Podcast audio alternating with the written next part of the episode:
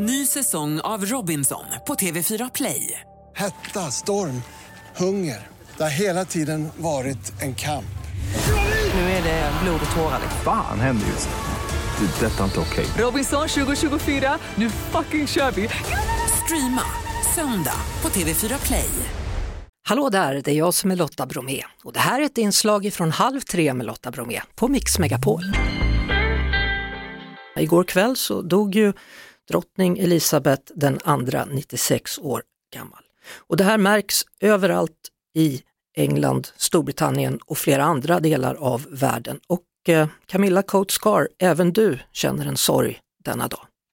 Ja, det är det verkligen. Första sidan på en tidning här i England står sorg är priset vi får lov att betala för kärlek och det tycker jag var välfunnet på något sätt. Det är ju bara några månader sedan som du och jag talade om då hur drottning Elisabeths 70 år på tronen skulle firas och alla var glada. Ja, det var som om det var igår.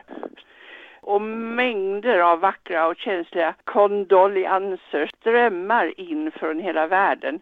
Jag skulle vilja kalla det hyllningar egentligen. Inte stela och formella alls. Och, och det är bara häromdagen som hon stod och välkomnade den 15 premiärministern, nya premiärministern för England då, Liz Truss. Ja, hon togs emot i tisdags bara på Balmoral för drottningen tyckte inte hon orkade åka ner till Buckingham Palace. Och drottningen var aldrig högfärdig.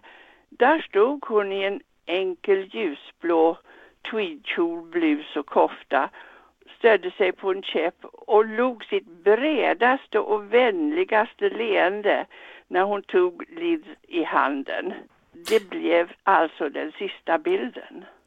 Kan det vara så att hon kände, ja nu ska jag göra en sista ansträngning för mitt land, sen kan jag dö i frid?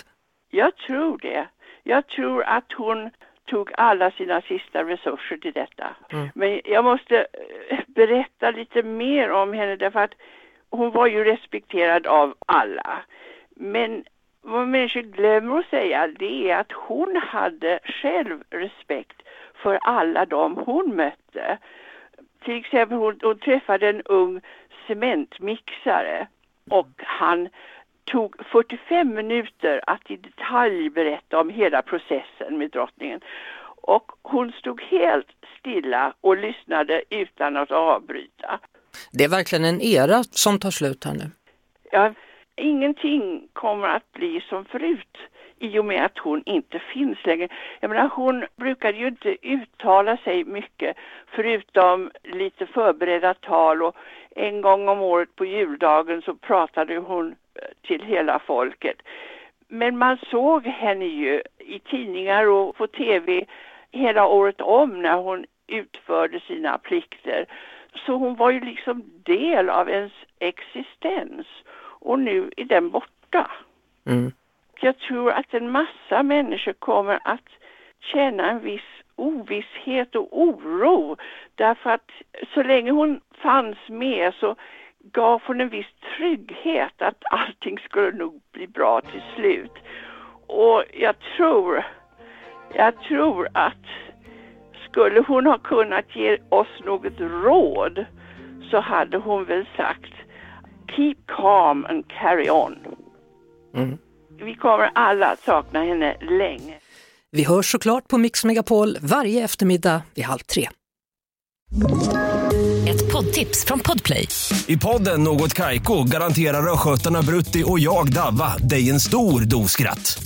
Där följer jag pladask för köttätandet igen. Man är lite som en jävla vampyr. Man har fått lite blodsmak och då måste man ha mer. Udda spaningar, fängslande anekdoter och en och annan arg rant. Jag måste ha mitt kaffe på morgonen för annars är jag ingen trevlig människa. Då är du ingen trevlig människa, punkt. Något Kaiko, hör du på Podplay. Därför är gardinerna.